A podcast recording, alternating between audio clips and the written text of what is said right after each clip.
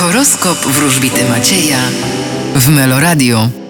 Baran, Będziecie zadowoleni i szczęśliwi. byk, Czeka Was zadowolenie, które będzie wynikiem otoczenia. bliźnięta, Będziecie przemieszczać się i podróżować. rak, Czekają Was sukcesy w pracy. lew, Możecie dokonywać nowych działań intelektualnych, na przykład rozpoczęcie kursu. panna, Możecie cieszyć się z tego, co jest związane z finansami. waga, Powinniście prawdziwie wypocząć. skorpion, Czeka Was nowy przełom w życiu. strzelec, Wy będziecie się bawić jak dzieci. koziorożec, Spodziewajcie się różnego rodzaju ograniczeń, m.in. materialnych. wodnik, Będziecie kierować się uczuciami i empatią. Ryby, A Was czeka równowaga, w szczególności na polu zawodowym i finansowym.